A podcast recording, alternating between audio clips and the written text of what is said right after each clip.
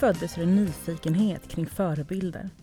Vilka är kvinnliga förebilder i Sverige när vi går in i 2020? Vilka ser vi upp till, lyssnar till och inspireras utav? Vi har frågat och vi har fått ett svar. Dessa kvinnor har vi träffat för att ta reda på vilka de är och vad som driver dem. Vi har även intervjuat andra kvinnor som vi tycker att fler borde få upp ögonen för. Det här är en intervjupodd med mig, Maria Högberg och kvinnliga förebilder i Sverige.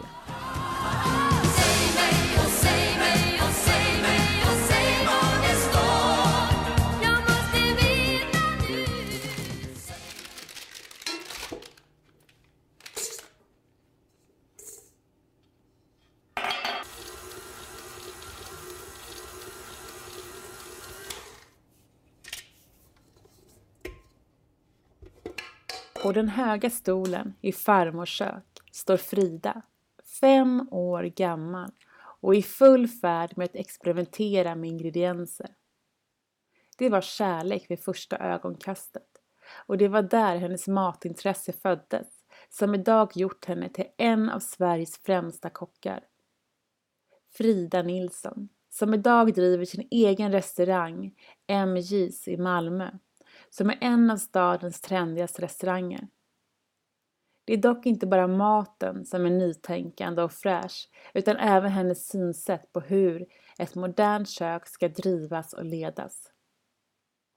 Frida har tagit emot många priser under sin karriär och kommit tvåa i tv-succén Kockarnas kamp.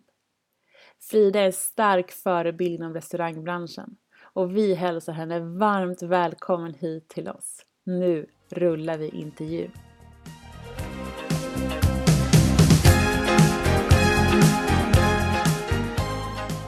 Men varmt välkommen hit Frida! Tack snälla! Hur mår du idag? Jag mår bra, tycker jag. Mm. Hur har din dag sett ut hittills? Det har varit en ganska lugn dag. Jag hade ett eh, pass eh, på gymmet med min personliga tränare i morse.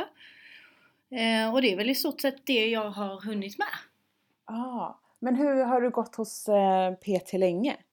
Nej, det skulle jag inte säga. Jag började kanske i november, december och sen så har jag väl blivit mer och mer aktiv under våren nu när jag haft lite mer tid att träna. Ja. ja. Men blir man sådär eh, brutalt trött som man tänker sig när man går hos en PT? Eh, ja, det blir man. Men jag har en väldigt snäll PT men på ett sätt som ändå tränar upp min kropp på ett bra sätt. Utan målet är ju att jag ska bli starkare i kroppen så jag ska kunna klara av mitt yrke och må bättre längre. Och det är inte så att jag ska bygga muskler eller gå ner i vikt utan jag vill bara bli starkare och liksom klara av min vardag bättre. Mm, mm. Det låter ju väldigt sunt och det är väl det som jag tror många också tänker på nu det här med att man ska orka, kroppen ska orka med det tempot som man har. Precis. Men du är ju en av Sveriges främsta kockar. Eh, hur föddes matintresset för dig? Eh, jag brukar säga att det föddes ganska tidigt. Alltså jag kan minnas när jag var fem år gammal och stod eh, på en stol i köket och gick igenom hela kryddhyllan ovanför spisfläkten och testade vilka kryddor jag tyckte var godast till eh, snabbmakaronerna som jag åt allt för ofta när jag var barn. Eh, och sen att jag också hängde med farmor i köket väldigt mycket och smakade på allting och var väldigt nyfiken på hur hon lagade mat och sådär. Mm. Så det, där började nog allting. Mm. Men vad härligt. Vad var det som liksom var, var så härligt med matlagningen då? Alltså jag har alltid älskat mat, eh, alltså äta mat och alltid varit också intresserad av att vara ute i trädgården och vara med och skörda och odla och så med familjen. Eh, så att, jag vet inte riktigt, eh, svårt att säga vad, vad som är grejen, men jag, mitt första sommarjobb jag hade när jag var 13 då skulle jag egentligen sälja glass, men de hade en restaurang också. Det var mer, jag var mer nyfiken på att vara inne i köket så att jag blev ganska snart utbytt i glasskiosken och fick eh, sätta på mig ett förkläde och jobba som köksnisse i köket. Och där var bara så en varm känsla som bara omfamnade en och välkomnade en eh, och det har liksom suttit kvar sedan dess. Mm. Men är du liksom en naturbegåvning när det gäller matlagning? Oj, svårt för mig själv att svara på det. Eh, men jag har ehm, alltid varit väldigt driven i matlagningen sedan tidig ålder. Och liksom, det är mitt största intresse också så att för mig är det naturligt att laga mat varje dag. Jag är väldigt smaknörd och tycker att det är eh, så kul med mat och ingredienser och testa nya saker. Så sen om det är en naturbegåvning eller vad det är, det vågar jag inte svara på själv. Nej, för jag tänker typ om man tänker på musik så brukar man ju säga att vissa är väldigt duktiga på, på att plugga in noter och, och kunna spela utifrån det medan vissa spelar på gehör. Är det så med kockyrket också att vissa är väldigt duktiga på recept och följa det medan andra kanske är duktiga på att köra lite fritt? Jag tror jag i så fall är det lite senare. Alltså jag, jag är ganska eh, bekväm och eh, liksom trygg i min egen smakbild och kan plocka upp mycket smakminnen från eh, när jag var barn. Så att jag tror att jag kanske mycket, fick mycket gratis av att vara nyfiken som barn på smaker och olika kombinationer. Och, smakade mycket grönsaker och frukter i trädgårdslandet och i, alltså på, från buske direkt. Så att jag har varit väldigt eh, intresserad av eh, råvaror och att eh, testa saker redan sedan jag var barn och det har väl kanske byggt upp en stor smakbank som jag använder mig av dagligen. Men då kunde du känna redan som barn att de här smakerna passar bra ihop, det här funkar inte och att du liksom laborerade redan då? Ja men lite så var det. Alltså jag kunde ju liksom jag kan nu när jag minns jag tillbaka till att jag skulle baka någonting eh, till min farmor och hennes väninnor. Och då tryckte jag i grejer som jag själva, jag gick, gick ifrån receptet redan då och tryckte i grejer som jag själv tyckte var gott. Olika så godis och lakritsgodisar som jag älskade. Och så fick de smaka på det. Um, så att jag har liksom gått min egen väg redan sen jag var barn på vad jag själv tycker om. Mm. Vad, sa din, eh, vad sa din farmor då? då? Hon hennes väninnor eh, var eh, glada och sa att det var gott. Sen om de ljög, det vågar jag inte svara på. Nej. Men sen utbildade du dig på restaurangskolan i, i Ängelholm. Precis, det var det självklara valet för mig när man skulle söka in till gymnasiet. Att det var egentligen det enda jag ville söka. Men fick lite så här, från syokonsulenten tyckte absolut inte jag skulle eh, söka in till eh, restaurangskolan för jag hade för bra betyg för att eh, utbilda mig inom det yrket. Men jag, gick, jag valde ändå det som självklarhet att jag skulle gå restauranglinjen och sen har det rullat på sen dess. Mm. Men det, då, då, tyckte hon att det var liksom en skola för de som inte hade bra betyg? Precis, och det är ju lite det ryktet som fortfarande lever kvar idag, att det är, det är en enkel utbildning som man kan ta eh, och att det inte krävs så jättemycket för att kom, alltså komma in. Och, det, och tyvärr har det varit så historiskt att det är ganska låga intagningsprov, eh, eller själva eh, betygsmässigt. Men eh, när det året jag sökte in så var Sen Ängelholms restaurangskola en ganska liten restaurangskola, så det finns bara en klass per årskull. Och eh, så tog emot 20 elever drygt. Så att vi hade ju högre intagning det året på hotell och restaurang än vad det var till exempel att gå naturvetenskaplig. Så att eh, det var ju, det, jag tror det kanske faller från år till år men generellt sett eh, över hela Sverige så är det låga antagningsbetyg för att komma in på restauranglinjen. Mm. Och vad fick du lära dig där då? Under den skolgången? Egentligen så i köket väldigt mycket tekniker och liksom hur man och mycket teori med kring såser och hur man får, får en hollandaise att eh, gå ihop till exempel eller hur man ska tänka kring bakning och varför man eh, tar i bakpulver på en viss eh, tidpunkt i, när man bakar. Och sen även näringslära och eh, råvarukunskap och vin och service och massor med saker men um, just i köket så var det ju i grunderna kring all matlagning egentligen. Mm. Och vad är liksom, är det det som är grunden eller vad är själva grunden i matlagningen som ni fick lära er där?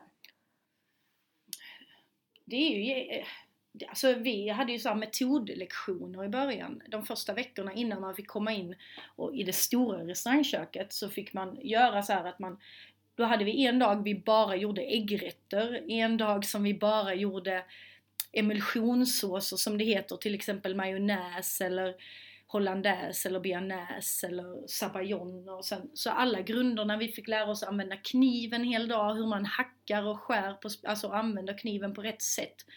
Och det är ju egentligen grunden för all matlagning sen, eh, och det är någonting som nu bara sitter i ryggraden som man inte tänker på men när man är ung och går in i köket för första gången så är det ju viktigt. Mm. Men nu har ju du jobbat i massa år på flera olika eh, restauranger. Vad är, det liksom som du, vad är de största lärdomarna du har fått genom din karriär från stå med farmor i köket till, till nu? Oj, eh, jag tror att man eh, i början när man är ung och går ut i arbetslivet så är man ganska nervös och eh, inte speciellt trygg i sin egen matlagning, eller man har rättare sagt ingen egen matlagning, men ju fler restaurangkök man har jobbat i och desto mer köksmästare man har jobbat under, eh, desto mer lär man sig och desto mer byggs ens kunskapsryggsäck på och ju mer blir man en egen individ som matlagare eh, och blir tryggare i sig själv, skulle jag säga. Mm. Men kände du då alltså att du så att du fick ett signum som, som kock under den tiden? Det här är min typ av matlagning och... Men jag tror att nu de senaste åren så känner jag mer och mer att jag är trygg i eh, min matlagning. För att generellt sett när man är yngre, nu talar jag för mig själv men jag ser det också även hos yngre kockar man har jobbat med. När man gör en maträtt till exempel så har man en tendens att när man är ung så vill man visa så mycket som möjligt, man vill visa allt man kan på en och samma tallrik.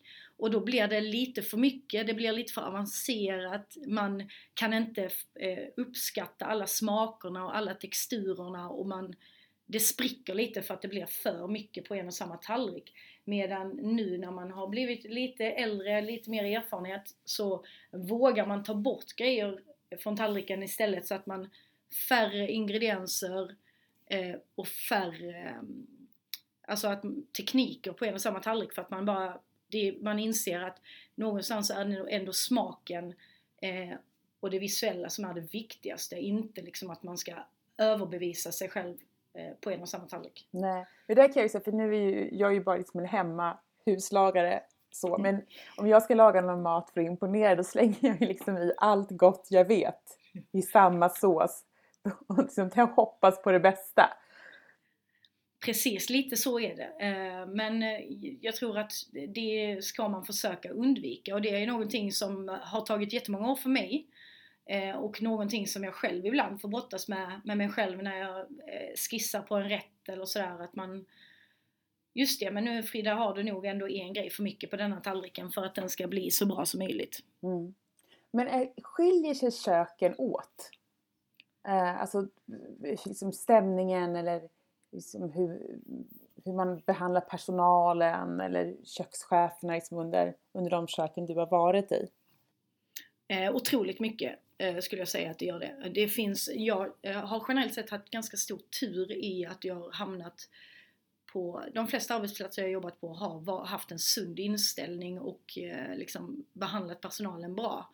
Eh, men man har man jobbat så här många år i branschen som man har gjort så har man ju hört en och annan historia och haft nära vänner som har jobbat i kök eh, med osunda värderingar. Men eh, ja, det skil, de skiljer sig otroligt mycket ifrån eh, varandra. Men, men det har skett en liten förändring de senaste åren men det finns fortfarande mycket att göra.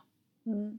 Och hur fick man lära sig det på, på restaurangskolan också? Att ni kan möta en, en ganska tuff och hård arbetsmiljö när ni kommer ut?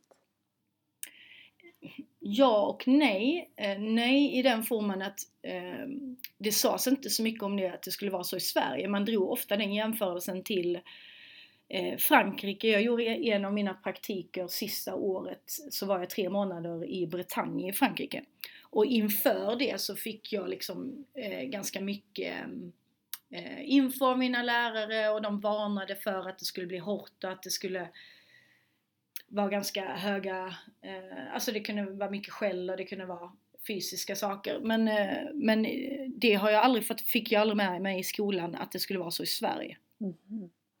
Uh, men, men är det något sådant här kök som du som, som man pratar om som att hamnar man där, då är det riktigt tufft. Liksom. Vet man om vilka kök som är tuff arbetsmiljö på?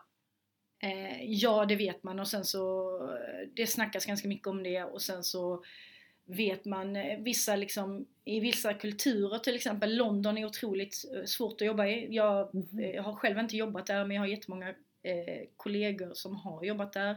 Och alla säger att de första två månaderna så går du hem och gråter dig till sömns varje natt för att du, du är så utsliten, du jobbar så mycket och kök, köksmiljön är så hård så att det är liksom, det måste man räkna med. Oj. Och då accepterar man bara det? För att få det på CV eller för att lära sig något? Varför? en kombo skulle jag säga. Att generellt sett i branschen så är det ju så att jobbar man på de här finkrogarna så vet man om att det är en tuff arbetsmiljö, långa arbetsdagar och långa arbetsveckor, ofta sex dagar i veckan och du är ledig en dag i veckan. Du har en, en ganska så här minimumlön och det är någonting som accepteras. Men du har ju liksom, du har gjort en, en fantastisk karriär och lyckats eh, väldigt, väldigt bra. Eh, och du kom ju till och med med i Kockarnas kamp 2014 som den yngsta deltagaren någonsin då. Just det. Vad gjorde att du hamnade, hur, liksom, hur hamnade du där och vad tänkte du när du fick frågan? Eh, när jag fick samtalet så bodde jag i Trondheim i Norge eh, och eh, fick egentligen, alltså jag hade en sån här liten konstig föraning för att jag någon vecka innan samtalet så fick jag typ så här, hade du kommit in och kollat en del från Meter Film på min LinkedIn och jag bara varför skulle någon kolla på min eh, LinkedIn-profil från Meter Film? Det är de som Aha. producerar um, Ja, Kockarnas ja. kamp men det, den dragningen gjorde ju inte jag eh, då. Sen ringde de mig och då var jag superchockad. Eh, jag tänkte ju inte alls eh, på att det skulle eh, vara möjligt. Eh, eh, Men kände väl att eh, jag har ingenting att förlora för eh, jag var okänd liksom. Eh, Och det hade inte gjort så jättemycket eh, jag hade egentligen inte gjort någonting medialt eller sådär stort. Så att det, för mig var det bara så här, jag har ingenting att förlora, det här måste jag göra. Och sen efter jag tackat ja så ångrar jag mig, men jag gjorde det ändå. Men hur fick de tag i ditt namn då? då? Eh, Man eh, blev rekommenderad av eh, tidigare deltagare och ehm, av eh, profiler i branschen. Eh, Men jag har inte specifikt fått liksom så att ja men Frida du, du blev medtagen på grund av det här. Det har jag inte fått veta men eh, mm. Mm. Och hur var det liksom inför då, när du skulle åka iväg till den här äh, gården och spela in Kockarnas kamp? Eh, Jag tror att min största räddning inför Kockarnas kamp för att inte mitt huvud skulle äta upp mig och jag skulle överanalysera allting och liksom s- Eh, så jag var inne i en eh, hotell och restaurangöppning i eh, Nordnorge, i Tromsö då. Så att jag jobbade ju typ mer eller mindre varje dag de fyra veckorna innan jag skulle åka. Så att jag hann inte förbereda mig, jag hann inte fokusera på Kockarnas kamp överhuvudtaget utan det var mer så här: okej imorgon ska du åka, nu måste jag kanske tvätta och packa med mig lite grejer och sen kommer inte jag vara i Norge på två veckor. Mm. Eh, Och det tror jag var min räddning för att jag är ju en sån eh, person som kan ätas upp av mina egna tankar och överanalysera allting. Eh, Så att jag tror det hjälpte mig jättemycket att liksom inte hinna ha tid att tänka på det utan bara liksom åka dit och bara köra. Mm. Men hade du kollat upp vilka andra deltagare som var med? Eh, Det fick, det fick man veta. Ehm, så att det hade jag en aning om och var väl eh, lite nervös inför det för att jag kände i stort sett ingen av de deltagarna som ehm, skulle delta i min omgång. Jag visste vilka samtliga var utom en och jag hade jobbat tillsammans med Jonas Dahlbom då som var en av deltagarna för han var min eh, första eh, kökschef när jag slutade restaurangskolan så började jag jobba hos honom i ett och ett halvt år. Eh, men eh, utöver det så hade jag inte träffat någon av dem. Nej. Visste de vem du var? då? Eh, nej, inte Nej. alls. Jag är Jonas men inte någon Mm. annan. Nej. För då hade ju du lagat mat i kök, nu skulle du laga mat på TV. Ja. Eller massa olika moment, det är väl inte bara matlagning utan det är väl mycket hackande och, och sånt. Men hur var det då? Det var fruktansvärt i början. Eh, det, jag var så nervös när vi skulle gå in i ladan för första gången och göra den första tävlingen. För jag tror att det var nio, ett niotal olika kameror som var på en eh, då och man stod där och jag kommer ihåg eh, vår första tävling vi hade var att vi skulle filea och dra skinnet på strömming. Och jag hade aldrig någonsin dragit eh, skinnet på strömming men jag hade ju liksom en bild framför mig hur man skulle göra och när jag tog de första strömmingarna så skar jag igenom ryggbenet vilket man absolut inte ska göra för då är det otroligt mycket svårare att få fina filéer. Mm -hmm. Så att jag, då bara, det var, jag var så nervös. Ja. Men kunde man, alltså var det någon av de kockarna som ville bryta och ta om någonting? Fick man göra så? Eh, nej, det fick man inte göra. Nej. Men det gick ju väldigt bra för dig. Eh, du kom ju liksom hela vägen till final. Ja, eh, det, det gick superbra och jag var över mina förväntningar. Jag hade som målbild att jag, att jag inte skulle åka ut först. Mm. Och när det väl hade liksom uppnåtts så var det precis som att jag fick ett inre lugn för att då kände jag att okej okay, men nu har jag ingenting att skämmas över. Det är ingen som förväntar sig att jag ska gå till final så nu kan jag bara gå min egen väg och göra det jag kan. Mm. Och vad, vad, men märkte du att de äldre kockarna eller dina mer tävlande liksom underskattade dig i början? Men att du fick mer respekt under programmets gång? Eller hur var stämningen mellan er? Liksom? Alltså jag skulle säga att det var väldigt god stämning och att vi var ett härligt gäng och vi pratade inte så mycket om tävlingarna mellan tävlingar. Eh, så att eh, svårt att säga det här om man under, blev underskattad. Eh, ja, men jag tror kanske lite med tanke på att de inte kanske visste vad jag gick, alltså kunde, kunde för att jag inte var lika profilerad som dem. Mm. Och vad, liksom, var, var det någon gren som du kände att det här kommer jag regera i? Det här är jag så duktig på. Nej, det skulle jag inte säga att det var vissa som, det var snarare tvärtom att det här vet jag att jag kommer vara riktigt dålig på. Men eh, jag, jag är ju ganska eh, jag har svå, få toppar men är ganska jämn. Eh, jag har få grejer som jag är riktigt dålig på med men jag är ganska så här jämn, klarar av det mesta. Men de grenarna som gick bäst på var ju så smak och uthållighet och eh, minne och noggrannhet vann jag mycket på. Mm, mm. Och är det det som är liksom dina, dina styrkor som kock även idag? Det skulle jag nog säga. Mm. Hur såg liksom, eh, hur, hur förändrades din, din karriär före och efter det här programmet? Um, ja, um, i, från början så tänkte jag att det inte hände så jättemycket men jag som sagt när programmet eh, spelade, eller sändes så bodde jag ju fortfarande i Norge så att jag eh, slapp lite av den här eh, uppståndelsen kring eh, TV-programmet. Men jag flyttade ju hem ett halvår sen efter det hade sänts. Och då var, eh, i samband med det så öppnade jag upp ett, eh, en annan eh, hotell och restaurang och då fick jag ju mycket uppmärksamhet eh, i samband med det från att egentligen inte fått någon uppmärksamhet när man har gått på ett nytt projekt eller sådär till att då helt plötsligt så kom ju media och var intresserade och ville göra intervjuer och sådär. Och på den, eh, ja men på den vägen är det tror jag. Ja, för du jobbar ju som kökschef idag också. Eh, precis, jag jobbar på kökschef på MJs i Malmö. Ja, Berätta om din roll där och hur, liksom, hur du fick den. Ehm, jag började här ehm, 2017. Ehm, egentligen efter att jag kände att jag var klar med mitt tidigare arbete så sa jag upp mig utan egentligen veta vad jag ville göra. Men jag tänkte bara att det löser sig. För jag kände att jag behövde en liten break.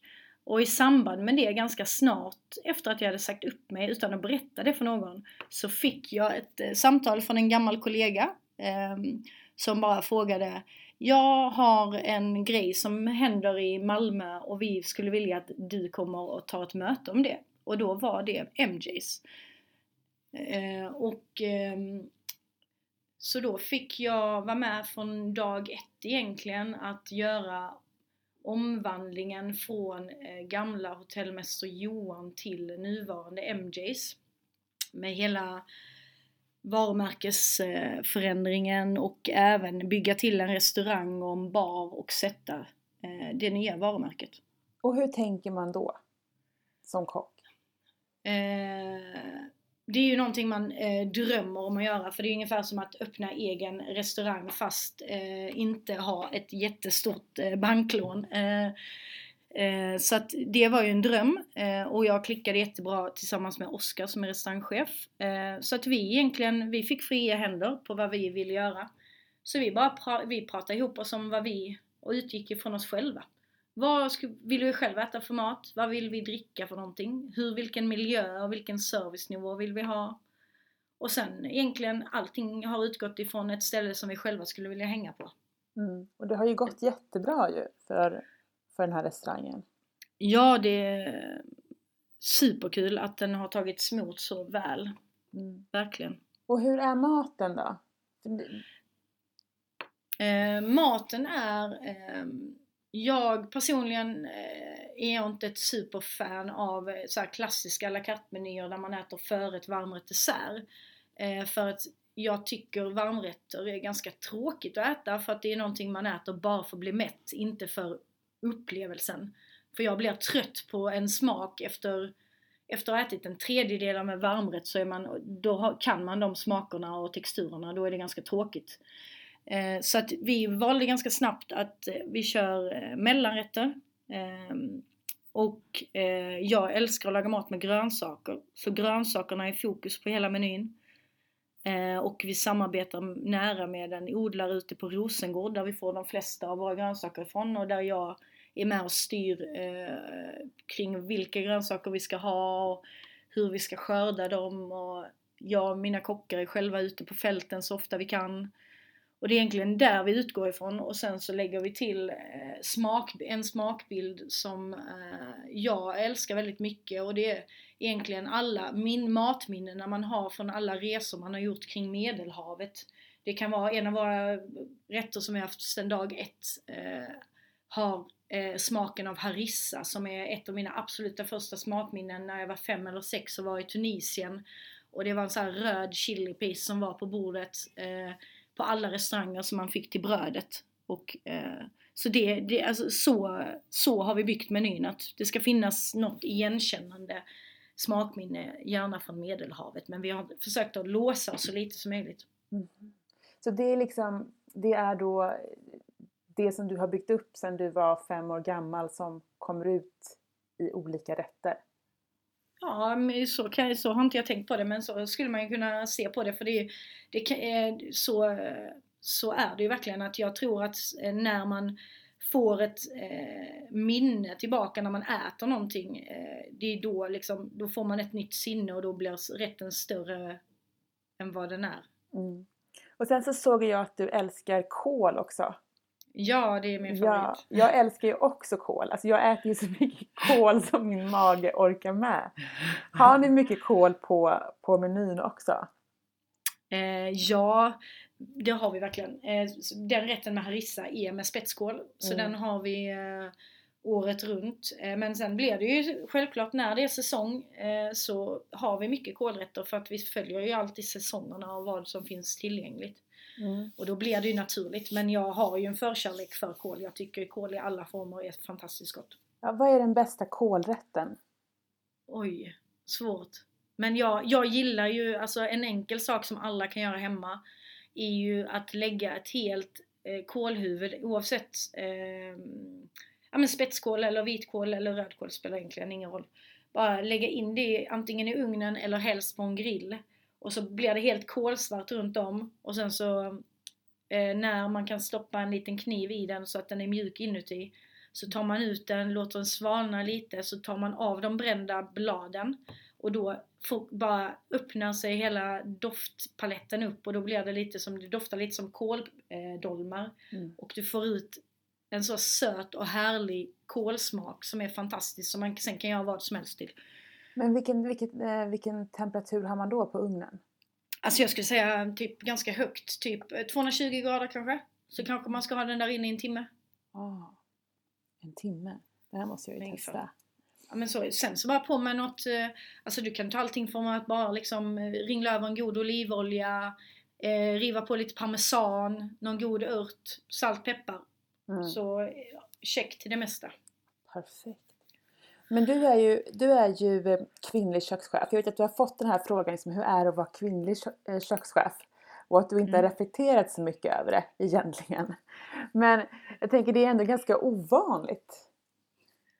Ja, men jag, eh, anledningen till att jag inte har reagerat på det för att jag vet ju inte hur det är att vara manlig kökschef så jag kan, det är en svårt, eh, svårt att sätta sig in i det. Och sen så eh, det som eh, det har varit för min del är att det under de senaste sju åren kanske har varit stort fokus på just det här bristen på kvinnliga kockar i Sverige.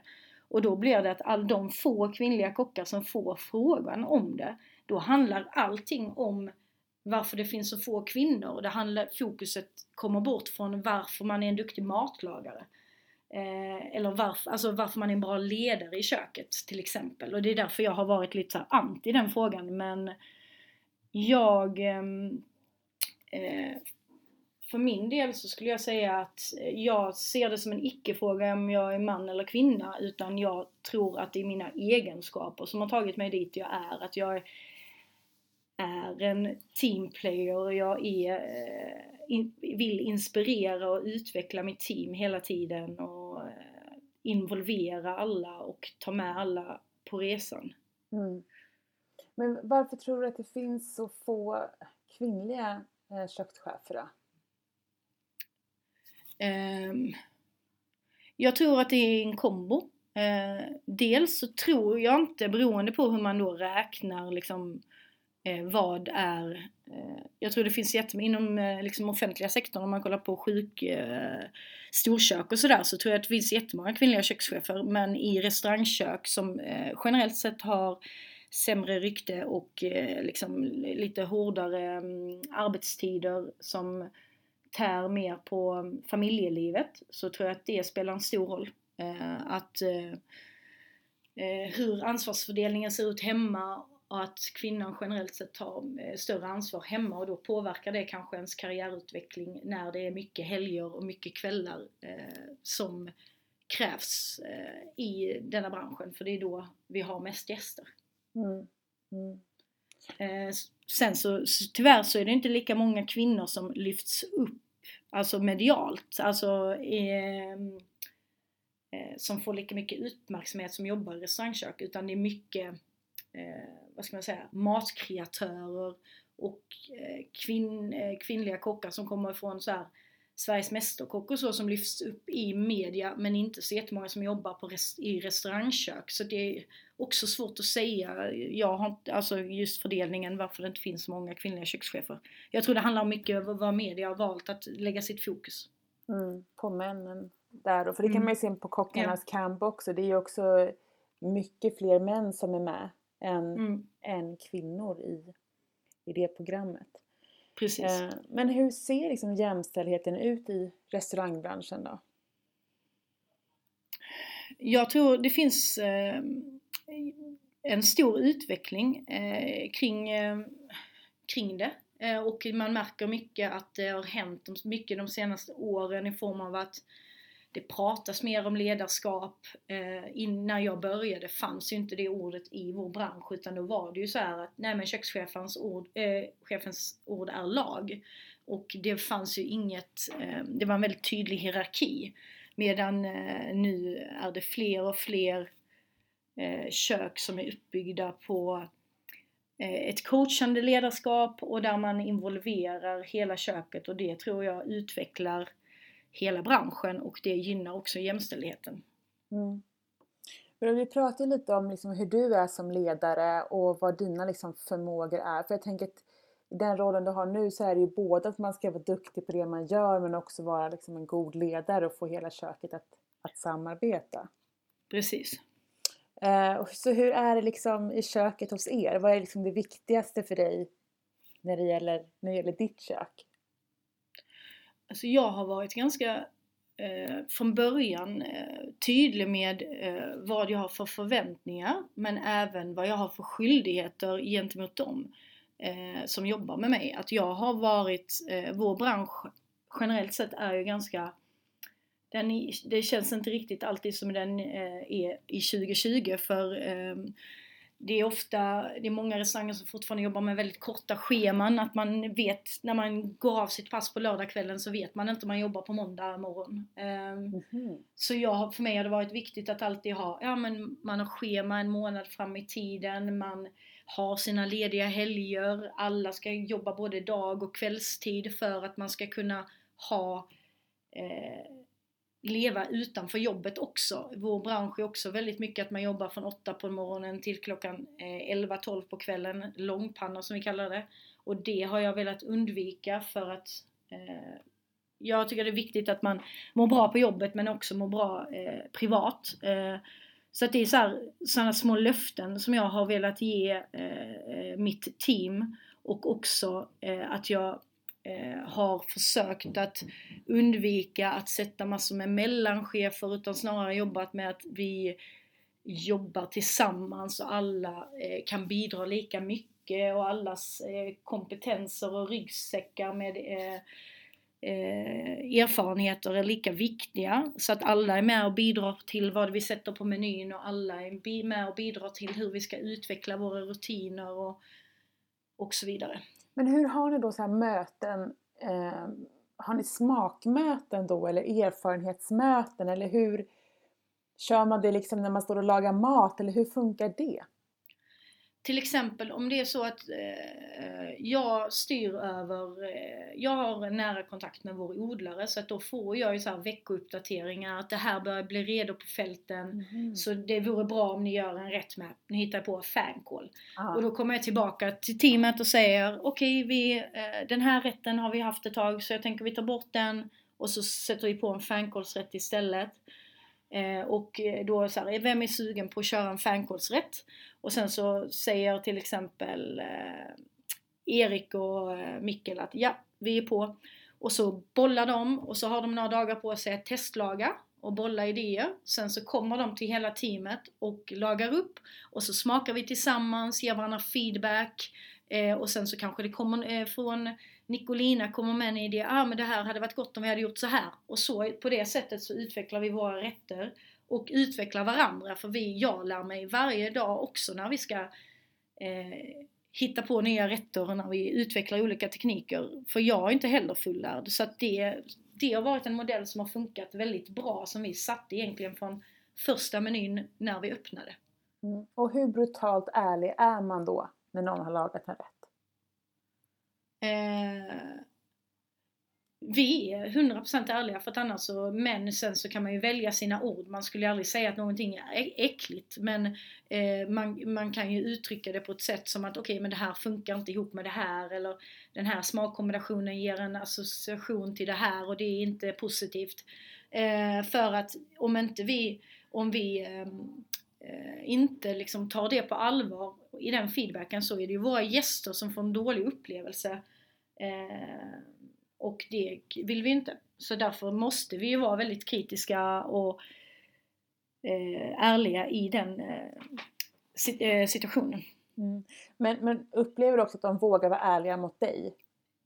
Eller finns det ja. någon hierarkisk eh, ordning där att man inte riktigt vågar liksom, säga exakt vad man tycker om du lagar någonting? Nej men alltså jag, jag ska väl inte säga så att eh, jag, jag, tror att vi har en eh, hög ärlighet men jag skulle, de skulle nog säga till mig om de tycker det är riktigt förjävligt. Om de vet att jag skulle kunna göra det lite bättre så kanske de inte säger det. Men jag, 100% ärlighet tror jag det är svårt att få men jag tycker att vi har byggt, sen är det nog någonting som också tar tid att bygga upp. För att när vi började med det här så det är ju ingenting som jag själv har fått vara med om att göra som kock själv. Och det är inte många kök, eh, fler och fler börjar jobba så här men det är inte jättevanligt att man jobbar på det sättet. Så att därför är det alltid en startsträcka innan man hittar dit. Men nu de flesta som, eller en del av det gänget som är kvar, eh, har ju faktiskt varit med i minst eh, tre år, eller minst två år. Så att då har man ändå eh, byggt upp eh, den tilliten och den, det, eh, kring att man vågar, vågar blotta sig själv, vilket man gör för att mycket av det man lägger på tallriken är ju ens själ. Liksom. Man går upp i sin matlagning så passionerat att man blir ju ledsen om någon skulle säga att det inte var gott. Mm. Men då ser du också att andra kök eh, börjar snegla på ert sätt att leda köket, alltså ditt ledarskap och ditt sätt att få fram nya maträtter. Ja, både det men även liksom hur man hanterar, alltså att, eh, att eh, den här klassiska hierarkin eh, mer och mer faller bort. Eh, där man är, den, den är inte liksom utvecklad på samma sätt skulle jag säga. Mm. Men finns det vissa då som är mer traditionella kökschefer som tycker att det här inte alls är bra? Har du mött något motstånd eller kritik kring det? Jag skulle inte säga kritik eller motstånd men jag, eh, jag vill inte heller säga att det är en generationsfråga, men det är ju eh, generellt sett mer yngre kockar eh, som eh, runt 30-årsåldern som eh, går mot den moderna stilen av ledarskap och släpper eh, släpper det här eh, klassiska hierarkin. Men sen tror jag, det också handlar om hur man själv har blivit eh, fostrad. Eh, har man blivit fostrad eh, i den här klassiska hierarkin och i en ganska tuff miljö så är det ju lätt att man anammar den för att det är ju det man kan och det är det man själv har blivit eh, framtagen i. Mm. För det jag också såg var att ni ska ha eh, en, en från ditt kök ska vara med i nästa säsong av Kockarnas kamp. Ja, Nicolina som har varit med sedan eh, vi öppnade MDs, hon eh, kommer vara med detta året. Mm. Så det är skitkul. Ja, det är, alltså, är det någonting som du har tipsat om då? Eh, ja och nej. Eh, det, ehm, jag fick ett samtal från produktionen och bara liksom som stämde av och trodde att hon, eh, från min sida då, om hur jag trodde hon skulle hantera situationen och sådär innan hon blev tillfrågad. Men eh, jag har inte gjort någon rekommendation men jag är superglad över att hon ska vara med. Mm. Och har stöttat henne och hjälpt henne liksom för att förbereda henne inför eh, tävlingen. Mm. Och då har ju hon liksom en mentor inför det här också, vilket måste vara jättehäftigt. Precis, och där tycker jag att det har varit en fin eh, alltså, uppsamling för att jag har nära kontakt med många av de tjejerna som varit med de senaste åren. Så att jag flaggade och frågade dem lite om deras upplevelser för nu var det ändå ganska länge sedan jag själv var med så jag har kollat med några av de tjejerna jag känner som var med de senaste säsongerna för att se liksom om tävlingen har förändrats och hur upplevelsen är så att Nicolina ska få rätt förutsättningar att gå så långt som möjligt. Mm. Och vad händer om Nicolina vinner alltihop då? Eh, ja du, då, då blir det fest. då blir det fest. Det blir ingen konkurrens då mellan er? Nej, jag, ingen skulle bli gladare än jag om hon hade vunnit. Mm, vad härligt. Och tiden går ju så himla fort. Eh, så att nu har vi ju redan, nu, nu ju, har vi inte så mycket tid kvar. Men jag tänker bara så här att när man ändå har dig på, på luren och jag vet ju att ett matintresse växer ju enormt i Sverige. Eh, vad är liksom dina bästa tips när det gäller matlagning? Eh, jag skulle säga så här att eh, sluta fokusera på köttet eller fisken på tallriken och lägg all energi på grönsaken. Det är framtiden och det är det som kan utveckla din matlagning längre fram. Skulle jag säga. Härligt. Och, och hur, hur behandlar man grönsaker på bästa sätt? Egentligen skulle jag säga så här att man eh, till exempel om vi skulle ta en rotselleri att man egentligen går tillbaka till, okej okay, hur skulle jag göra om jag om det här skulle vara, varit en bit fisk, hur hade jag stekt den då? Jo, jag hade tagit en, en stekpanna, eh, värmt upp olja varmt eh, och sen så hade jag lagt i fisken och sen hade jag tagit i en god klick smör, kanske en vitlöksklyfta, en bit timjan. Sen hade jag öst den gyllene, vänt på den och stekt den till den var alltså så här, färdig i mitten. Och så att man egentligen applicerar det på grönsaken. Eh, att man eh, lägger energin där istället helt enkelt. Mm. Det låter ju fantastiskt. Jag är ju vegetarian sedan några år tillbaka så mm. grönsaker är ju liksom Det är ju någonting som jag, som jag äter och förtär på bästa sätt. Mm. Eh, men vad kommer vi få se av dig framöver då? Vad har du liksom för drömmar och vad är det liksom Ja, vad är, vad är det du strävar mot? Eh, jag eh, drömmer om eh, att öppna någonting eget där jag har en egen odling direkt in på husknuten så att man kan verkligen gå ut och få dagsfärska grönsaker och att verkligen det som är i trädgårdslandet bestämmer vad som står på menyn. Det är verkligen en dröm jag har. Ehm, och sen så fortsätta att utveckla mig själv och eh, utveckla personerna som jag jobbar med och branschen i sådan för jag vill vara med och se till så att den blir mer jämställd och att vi får bättre arbetsförhållanden och så att den, den blir up to date med eh, 20, 2020 som vi är i nu men att den fortsätter liksom komma ikapp lite för den ligger lite efter. Mm. Och det som jag verkligen tar med mig från den här intervjun det är liksom att ledarskapet i köket kan nå hela vägen ut på tallriken till oss som ska äta det. Det tycker jag är jättehäftigt. 100% eh, och det hoppas mm. jag att fler anammar och vågar liksom testa nya saker och jag säger inte att det, är det sättet jag gör är rätt men jag tror på att involvera eh, sitt team mer och det kommer skapa lite mer lojalitet. Eh, för att generellt sett i branschen så stannar man kanske en, ett år på en arbetsplats. Eh, och jag har haft turen och haft några som har, ja, som Nicolina då, som har varit med i, i tre år nu. Mm.